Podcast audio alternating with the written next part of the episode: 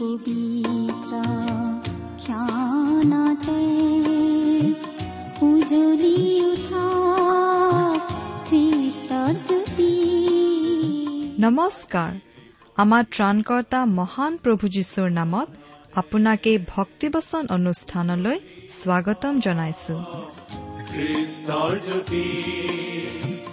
আকাশ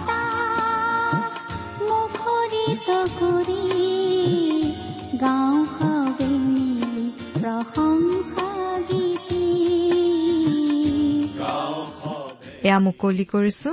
ঈশ্বৰৰ জীৱিত বাক্যৰ ধাৰাবাহিক অনুষ্ঠান ভক্তি বচন।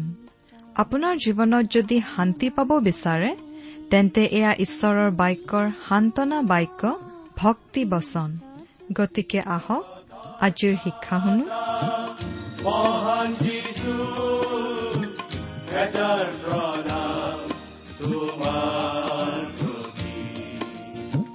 গ্ৰহণ কৰাই ভক্তি বচন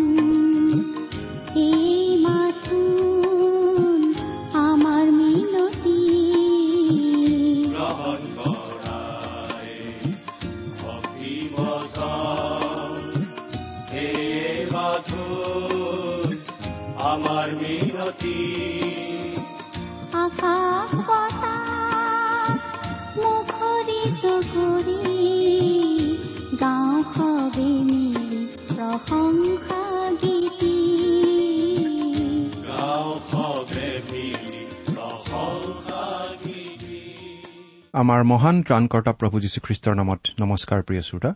আপোনাৰ ভালনে বাৰু? আপুনি আমাৰ এই অনুষ্ঠান নিয়মিতভাৱে শুনি আছেনে? শুনি কেনে পাইছে আমালৈ চিঠি লিখি জনাবচোন? আমাৰ এই অনুষ্ঠানযোগে প্ৰচাৰ কৰা কোনো কথা অধিককৈ বুজিব খুজিলেও নাইবা যীশুখ্ৰীষ্টৰ বিষয়ে কিবা সুধিবলগীয়া থাকিলেও আমালৈ নিসংকোচে লিখিব পাৰে। আমাৰ ঠিকনা? ভক্তিবচন টি ডব্লিউ আৰ ইণ্ডিয়া ডাক বাকচ নম্বৰ সাত শূন্য গুৱাহাটী সাত আঠ এক শূন্য শূন্য এক।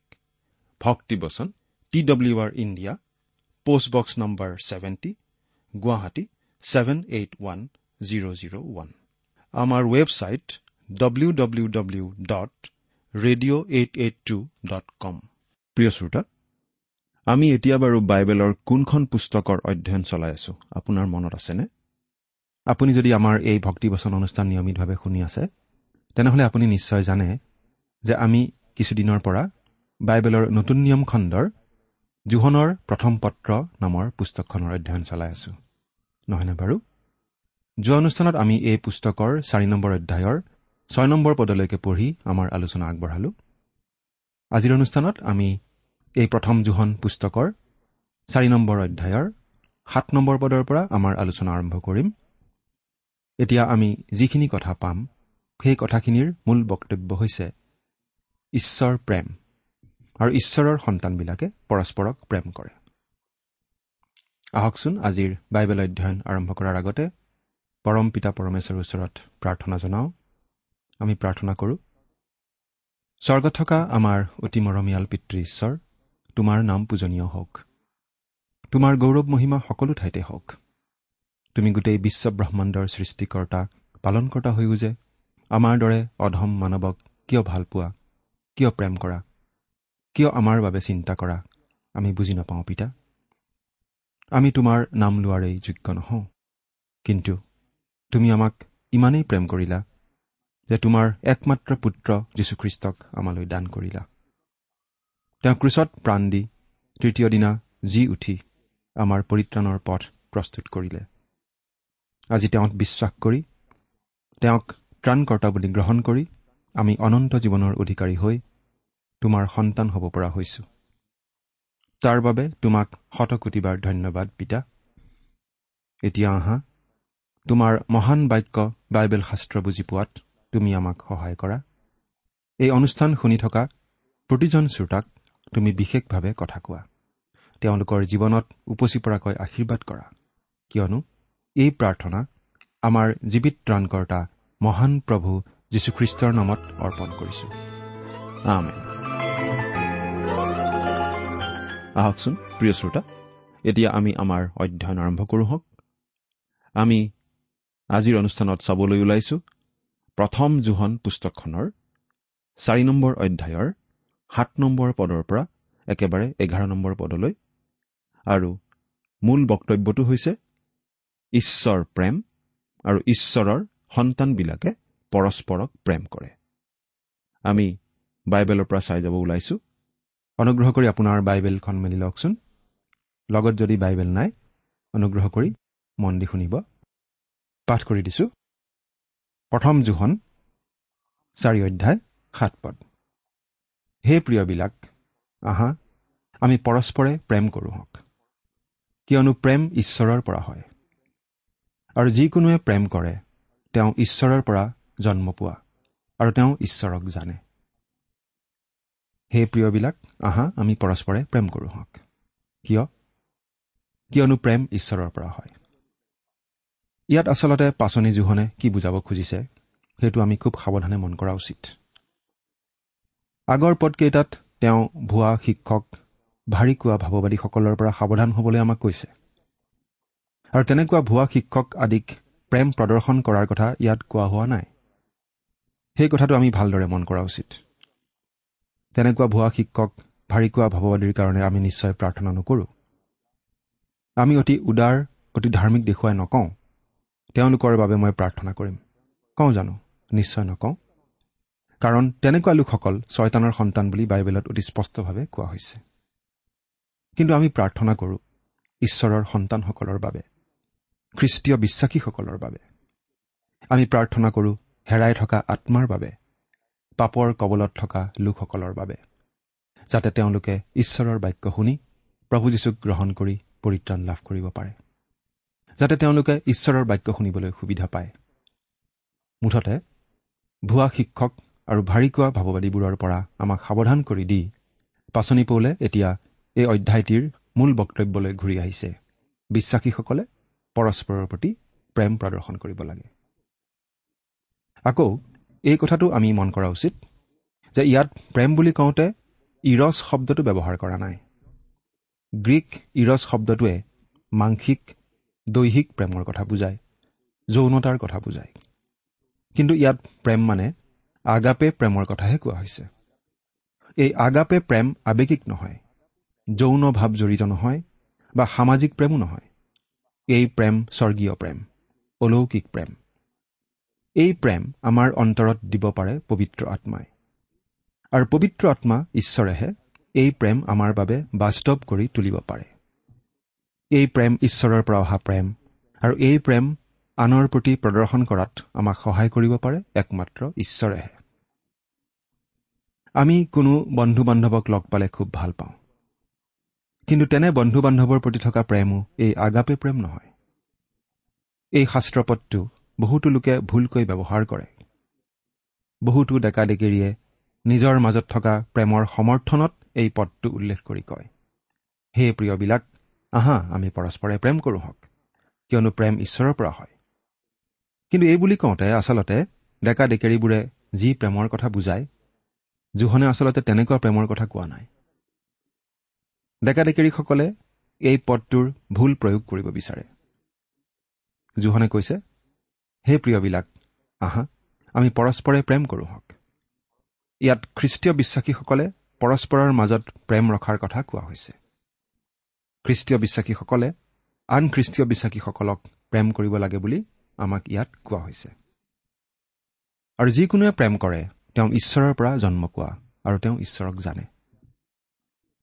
ইয়াত মানৱীয় দৃষ্টিভংগীৰে আমি প্ৰকৃত সত্যটো দেখা পাব পাৰোঁ।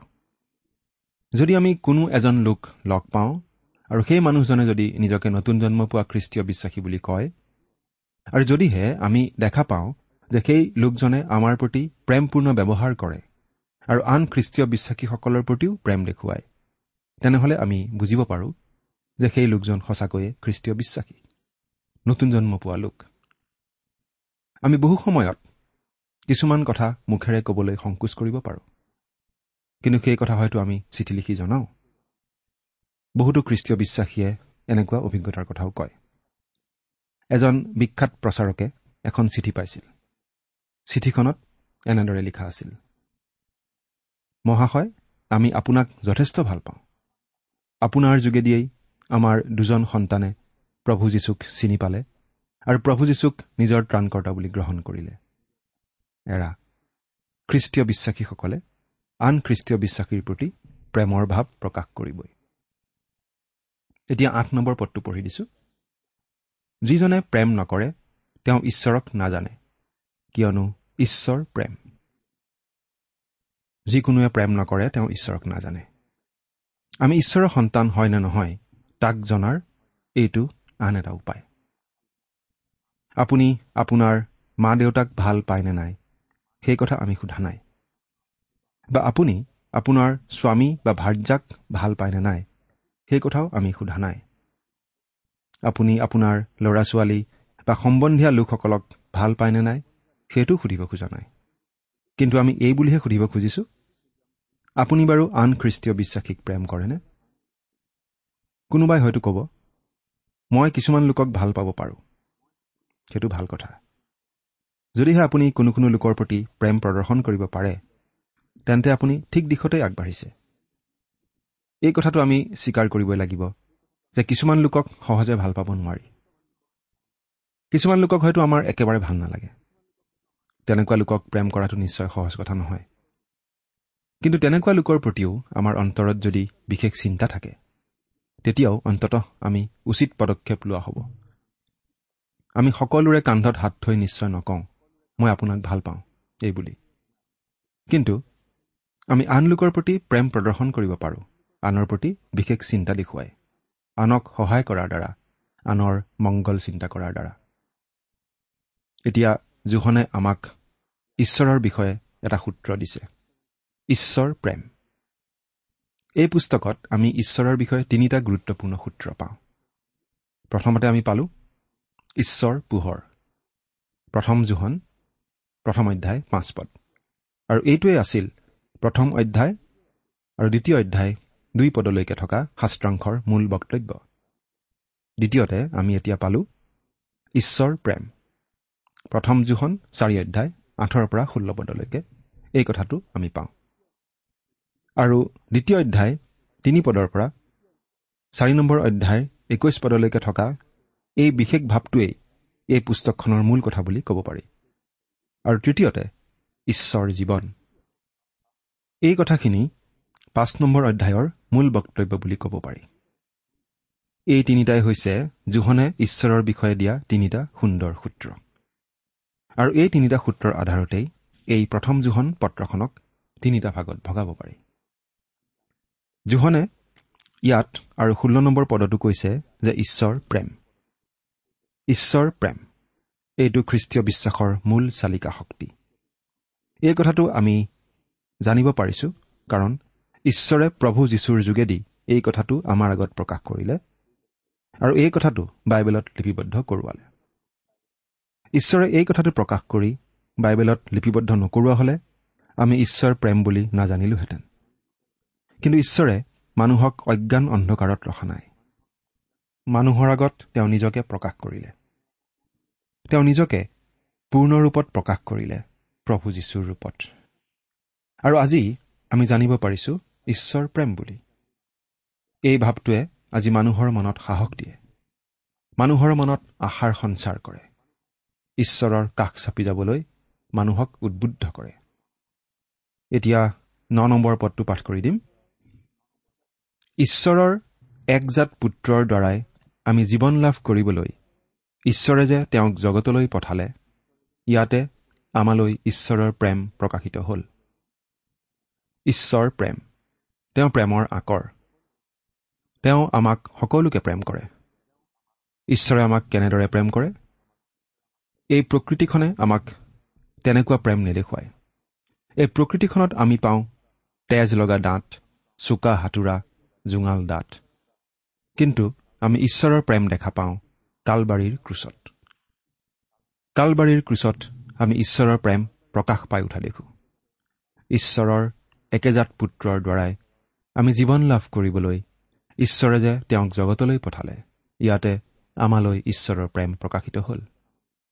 ঈশ্বৰে তেওঁৰ প্ৰেমৰ প্ৰমাণ দিলে। আমাৰ কাৰণে তেওঁ ক্ৰুচত আপোন প্ৰাণ দিলে। সেয়েই তেওঁৰ প্ৰেমৰ প্ৰমাণ। পাচনি পৌলে এনেদৰে লিখিছে ধাৰ্মিক লোকৰ কাৰণে প্ৰায়ে কোনোজনে প্ৰাণ নিদিয়ে। সৎলোকৰ কাৰণে প্ৰাণ দিবলৈকো কিজানি কোনোজনৰ সাহ থাকিব পাৰে। ৰুমিয়া পাঁচ অধ্যায় সাত পদ। আপোনাৰ কাৰণে জীৱন দিবলৈ আগবাঢ়ি আহিবলৈ কোনো মানুহ আছেনে নাই আমি নাজানো। কিন্তু এই অধমৰ কাৰণে প্ৰাণ দিবলৈ মানুহ বিচাৰি পোৱা টান হ'ব বুলি হ'লে ক'ব পাৰোঁ। কিন্তু ঈশ্বৰে আপোনাৰ বাবে প্ৰাণ দিবলৈ তেওঁৰ একেজাত পুত্ৰ যীশুখ্ৰীষ্টকে দিয়াৰ দ্বাৰাই তেওঁৰ প্ৰেমৰ প্ৰমাণ দিলে। আপুনি নিয়মিতভাৱে গীৰ্জা উপাসনাত যোগ দিয়াৰ কাৰণে বা ছানডে স্কুলত সদায় উপস্থিত থকাৰ কাৰণে নহয়। কিন্তু আপুনি মই বা সকলো মানুহ পাপত থকা দুৰ্বল মানুহ হোৱা স্বত্তেও ঈশ্বৰে আমাৰ কাৰণে ক্ৰুচত আপোন প্ৰাণ দিলে। কিয়নো ইতিপূৰ্বে যেতিয়া আমি দুৰ্বল আছিলো তেতিয়া খ্ৰীষ্টে উপযুক্ত সময়ত ঈশ্বৰ ভক্তিহীনবিলাকৰ নিমিত্তে আপোন প্ৰাণ দিলে। ৰুমিয়া পাঁচ অধ্যায় ছয় পদ। এই প্ৰেম স্বৰ্গীয় প্ৰেম। এই প্ৰেম আমি বুজি পোৱা টান। এই প্ৰেমৰ ব্যাখ্যা আমি তেওঁতহে পাওঁ আমাত নাপাওঁ। আমি আচলতে প্ৰেমৰ পাত্ৰ নহয়। আমি বেছিভাগ লোকেই প্ৰেম লাভ কৰাৰ যোগ্যও নহওঁ। গতিকে এই প্ৰেমৰ কাৰণ আমি নহয় ঈশ্বৰহে। যিহেতু ঈশ্বৰ প্ৰেম যিহেতু তেওঁ মানৱক প্ৰেম কৰে গতিকে তেওঁ এই প্ৰেম কাৰ্যৰ দ্বাৰা প্ৰকাশ কৰিলে। আমি প্ৰেম পোৱাৰ যোগ্য বাবে নহয় কিন্তু তেওঁ যে প্ৰেম সেইবাবেহে ঈশ্বৰৰ একেজাত পুত্ৰৰ দ্বাৰাই আমি জীৱন লাভ কৰিবলৈ। প্ৰভু যীশু ঈশ্বৰৰ একেজাত পুত্ৰ। ইয়াৰ দ্বাৰা আমি এটা কথা স্পষ্টভাৱে জানো যে পিতৃ ঈশ্বৰ আৰু প্ৰভু যীশুখ্ৰীষ্টৰ মাজত এটা বিশেষ সম্বন্ধ আছে যিটো আনৰ নাই। প্ৰভু যীশু সৃষ্ট নহয়। ঈশ্বৰে কিন্তু স্বৰ্গদূতবোৰক সৃষ্টি কৰিছিল। তেওঁ আমাকো সৃষ্টি কৰিছে। ঈশ্বৰে স্বৰ্গদূতবোৰক তেওঁৰ সন্তান বুলি কয়। আৰু যীশুখ্ৰীষ্টত বিশ্বাস কৰা লোকসকলকো তেওঁ সন্তান বুলি কয়। কিন্তু প্ৰভু যীশুখ্ৰীষ্ট হৈছে ঈশ্বৰৰ একেজাত পুত্ৰ। তেওঁৰ দৰে আন কোনো নাই। অৱশ্যে ঈশ্বৰৰ একেজাত পুত্ৰ বুলি কওঁতে আমি এই কথা জনা উচিত যে মানৱীয় দৃষ্টিত পুত্ৰ মানে যি ঠিক তেনেকুৱা পুত্ৰ নহয় কাৰণ ঈশ্বৰ আত্মা। মানুহৰ যেনেকুৱা পুত্ৰ থাকে ঈশ্বৰৰ তেনেকুৱা পুত্ৰ থাকিব নোৱাৰে। প্ৰভু যীশু পিতৃ ঈশ্বৰৰ একেজাত পুত্ৰ। তেওঁৰ নিচিনা আন কোনো নাই। ঈশ্বৰৰ একেজাত পুত্ৰৰ দ্বাৰাই আমি জীৱন লাভ কৰিবলৈ। প্ৰভু যীশু জগতলৈ আহিল যাতে আমি জীৱন লাভ কৰিব পাৰোঁ। আমি তেওঁৰ যোগেদি কেনেদৰে জীৱন লাভ কৰোঁ? আমি জীৱন লাভ কৰিব পাৰোঁ কাৰণ তেওঁ ক্ৰুচত আপোন প্ৰাণ দিলে। তেওঁৰ ক্ৰুচীয় মৃত্যুৱে আমাক জীৱন দিয়ে। এতিয়া দহ নম্বৰ পদটো পঢ়ি দিছো। ঈশ্বৰক যে আমি প্ৰেম কৰিলো এনে নহয়। কিন্তু তেওঁহে আমাক প্ৰেম কৰিলে আৰু আমাৰ পাপৰ প্ৰায়চিত্ৰ হবলৈ নিজ পুত্ৰক পঠাই দিলে। ইয়াতেই প্ৰেম আছে। এই প্ৰায়চিত্ৰ শব্দটো জোহনে আগতেও ব্যৱহাৰ কৰিছিল। আমি প্ৰথম জোহন দ্বিতীয় অধ্যায় দুই পদত এনেদৰে পাইছিলো। আৰু তেওঁৱেই আমাৰ পাপৰ প্ৰায়চিত্ৰ। কেৱল আমাৰেই নহয় গোটেই জগতৰো। এই শব্দটো বিশেষভাৱে গুৰুত্বপূৰ্ণ। দুটা গ্ৰীক শব্দক অনুবাদ কৰোঁতে এই প্ৰায়চিত্ৰ শব্দটো ব্যৱহাৰ কৰা হৈছে। কিন্তু আচলতে দুয়োটা শব্দই একে কিন্তু দুটা ৰূপত আছে। প্ৰায়চিত্ৰ বুলি কওঁতে ঢাকি দিয়া ভাৱ এটা প্ৰকাশ পায় পাপ ঢাকি দিয়া। প্ৰায়চিত্ৰ বুলি কওঁতে অনুগ্ৰহৰ সিংহাসনৰ ভাৱটোও প্ৰকাশ পায়। প্ৰভু যীশুৱেই আমাৰ প্ৰায়চিত্ৰ। তেওঁৱেই আমাৰ অনুগ্ৰহৰ সিংহাসন কাৰণ তেওঁৱেই আমাৰ হকে প্ৰাণ দিলে। তেওঁ আমাৰ পাপৰ প্ৰায়চিত্ৰ কৰিলে যাতে আমি সাহেৰে অনুগ্ৰহৰ সিংহাসনৰ আগলৈ আহিব পাৰোঁ। কাৰণ তাতেই আমাৰ বাবে ক্ষমা আছে দয়া আছে কৰুণা আছে। খ্ৰীষ্টই তাকে কৰিবলৈকে জগতলৈ আহিছিল আৰু এইদৰেই ঈশ্বৰে তেওঁৰ প্ৰেমৰ প্ৰমাণ দিলে। কিন্তু আমি এই কথাটো মনত ৰখা উচিত যে ঈশ্বৰ প্ৰেম। কিন্তু তেওঁ আমাক প্ৰেমেৰে পৰিত্ৰাণ নিদিয়ে। তেওঁ আমাক প্ৰেম কৰে। কিন্তু প্ৰেম কৰে কাৰণে তেওঁ স্বৰ্গৰ দুৱাৰ মেলি আমাক সকলোকে স্বৰ্গত স্থান দিব নোৱাৰে। কাৰণ ঈশ্বৰ পবিত্ৰ তেওঁ ন্যায়বান। তেওঁ সকলো নিয়ম পালন কৰিহে কাম কৰিব লাগে। গতিকে তেওঁ আমাক প্ৰেম কৰিলেও আমাৰ পাপবোৰ ক্ষমা কৰি দিব নোৱাৰে। সেইবাবেই তেওঁ প্ৰভু যীশুক জগতলৈ পঠাব লগা হ'ল। প্ৰভু যীশুৱে আমাৰ পাপৰ শাস্তি নিজে ললে ক্ৰুচৰ ওপৰত। সেই আধাৰতেই আজি ঈশ্বৰে আমাক সকলোকে ক্ষমা কৰিব পাৰে। আমি যদি খ্ৰীষ্টক ত্ৰাণকৰ্তা বুলি গ্ৰহণ কৰোঁ আমাৰ সকলো পাপ ক্ষমা হৈ যায়। কাৰণ আমাৰ পাপৰ শাস্তি তেওঁ ইতিমধ্যেই বহন কৰিলে ক্ৰুচৰ ওপৰত। গতিকে খ্ৰীষ্টক গ্ৰহণ কৰি আমি পৰিত্ৰাণ পাব পাৰোঁ। খ্ৰীষ্টই হৈছে অনুগ্ৰহৰ সিংহাসন য'ত ঈশ্বৰৰ প্ৰেম প্ৰকাশিত হৈছে। ঈশ্বৰক যে আমি প্ৰেম কৰিলো এনে নহয়।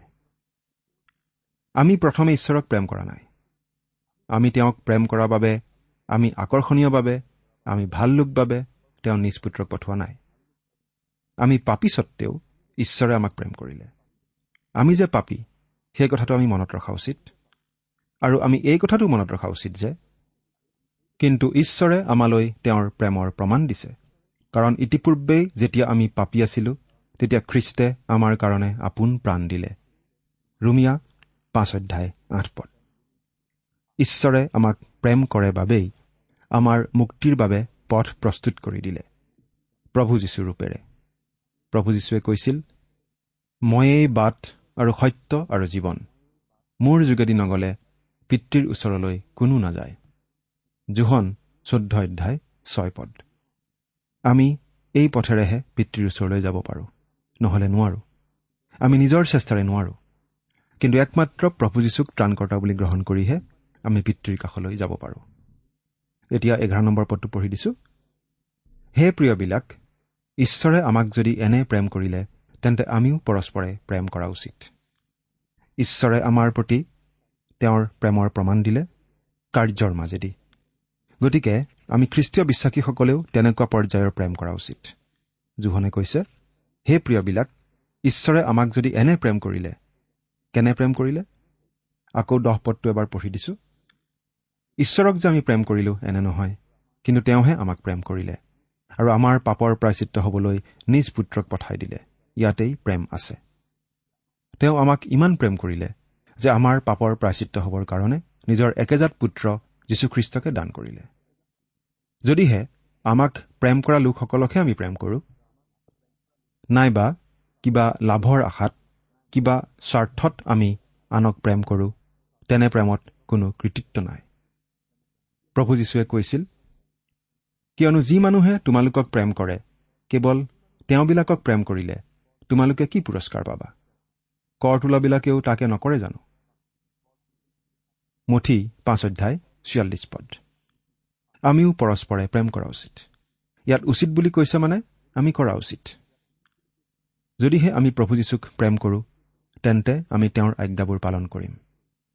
এই বুলি প্ৰভু যীশুৱে আমাক কৈছিল জোহনে লিখা শুভবাৰ্তা চৈধ্য অধ্যায় পোন্ধৰ পদত আমি এনেদৰে পাওঁ। প্ৰভু যীশুৱে এই বুলিও কৈছিল মই তোমালোকক অতি স্বৰূপকৈ কওঁ মই যি যি কাৰ্য কৰোঁ মোত বিশ্বাস কৰাজনেও তেনেকুৱা কাৰ্য কৰিব আৰু তাতকৈও মহৎ মহৎ কাৰ্য কৰিব কিয়নো মই পিতৃৰ ওচৰলৈ যাওঁ। জোহন চৈধ্য অধ্যায় বাৰ পদ। মই যেনেকৈ তোমালোকক প্ৰেম কৰিলো তেনেকৈ তোমালোকেও পৰস্পৰে প্ৰেম কৰিবা এই মোৰ আজ্ঞা। জোহন পোন্ধৰ অধ্যায় বাৰ পদ। এই কথা বাৰু আমি মনত ৰাখিছোনে? আমি বাৰু আন খ্ৰীষ্টীয় বিশ্বাসীক ঘীন কৰিও ঈশ্বৰক প্ৰেম কৰা বুলি আনক কওঁ নেকি? সেইটো অসম্ভৱ কথা। যদিহে আমি আন খ্ৰীষ্টীয় বিশ্বাসীক প্ৰেম কৰা নাই তেন্তে আমি প্ৰকৃত খ্ৰীষ্টীয় বিশ্বাসী হয়নে? তাত সন্দেহৰ অৱকাশ থাকিব। প্ৰভু যীশুৱে আনকি ক্ৰুচৰ ওপৰৰ পৰাও এনেদৰে ক'ব পাৰিছিল হে পিতৃ এওঁবিলাকক ক্ষমা কৰা। কিয়নো এওঁবিলাকে কি কৰিছে তাক নাজানো। লোক তেইছ অধ্যায় চৌত্ৰিশ পদ। মণ্ডলীৰ প্ৰথমজন শ্বহীদ ষ্টিফানেও ঠিক একেদৰেই ক'ব পাৰিছিল। আমি বাৰু আনক তেনেদৰে ক্ষমা কৰিব পাৰোনে? আমাৰ অনিষ্ট কৰা লোকক ক্ষমা কৰিব পাৰোনে? আমি যদি প্ৰভু যীশুক আমাৰ ত্ৰাণকৰ্তা বুলি গ্ৰহণ কৰিলো আমি আত্মিকভাৱে নতুন জন্ম পালো। আমি ঈশ্বৰৰ সন্তান হলো। গতিকে আমি ঈশ্বৰৰ আজ্ঞা মানি আন খ্ৰীষ্টীয় বিশ্বাসী ভাই ভনীসকলৰ প্ৰতি প্ৰেম প্ৰদৰ্শন কৰা উচিত। সেই প্ৰেম কথাৰে নহয় কাৰ্যৰ দ্বাৰা প্ৰকাশ পোৱা উচিত। সেই প্ৰেম বাৰু আপুনি প্ৰকাশ কৰি আছেনে? ঈশ্বৰে আপোনাক আশীৰ্বাদ কৰক। আমেন।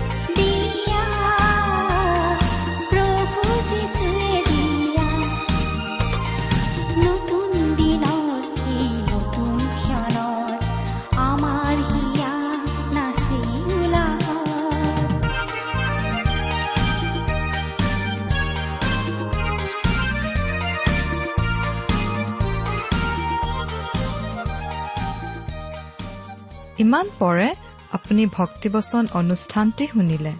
এই বিষয়ে আপোনাৰ মতামত জানিবলৈ পালে আমি নথৈ আনন্দিত হ'ম আমি প্ৰস্তুত কৰা বাইবেল অধ্যয়নৰ আন চিডিসমূহ পাব বিচাৰিলেও আমালৈ লিখক। অনুষ্ঠানটি শুনি কেনে পালে আমালৈ চিঠি লিখি জনাবচোন? অনুষ্ঠানত প্ৰচাৰ কৰা কোনো কথা বুজিব লগা থাকিলেও আমালৈ লিখক। আমাৰ ঠিকনা? ভক্তিবচন ট্ৰান্স ৱৰ্ল্ড ৰেডিঅ' ইণ্ডিয়া ডাক বাকচ নম্বৰ সাত শূন্য গুৱাহাটী সাত আঠ এক শূন্য শূন্য এক। ঠিকনাটো আৰু এবাৰ কৈছো ভক্তিবচন ট্ৰান্স ৱৰ্ল্ড ৰেডিঅ' ইণ্ডিয়া ডাক বাকচ নম্বৰ সাত শূন্য গুৱাহাটী সাত আঠ এক শূন্য শূন্য এক। আমাৰ ইমেইল এড্ৰেছটো হৈছে S M is T T B at the rate radio' eight eight two dot com. আমাৰ website W W W dot T W R dot in আপুনি টেলিফোনৰ মাধ্যমেৰেও আমাক যোগাযোগ কৰিব পাৰে। আমাৰ টেলিফোন নম্বৰটো হৈছে শূন্য তিনি ছয় এক দুই ছয় শূন্য চাৰি ছয় সাত এক। ফোন নম্বৰটো আকৌ এবাৰ কৈছো zero' three six one two six zero' four six seven one আজিৰ অনুষ্ঠানটি ইমানতে সামৰিছো। ঈশ্বৰৰ শান্তি আৰু অনুগ্ৰহ আপোনাৰ লগত থাকক। ধন্যবাদ।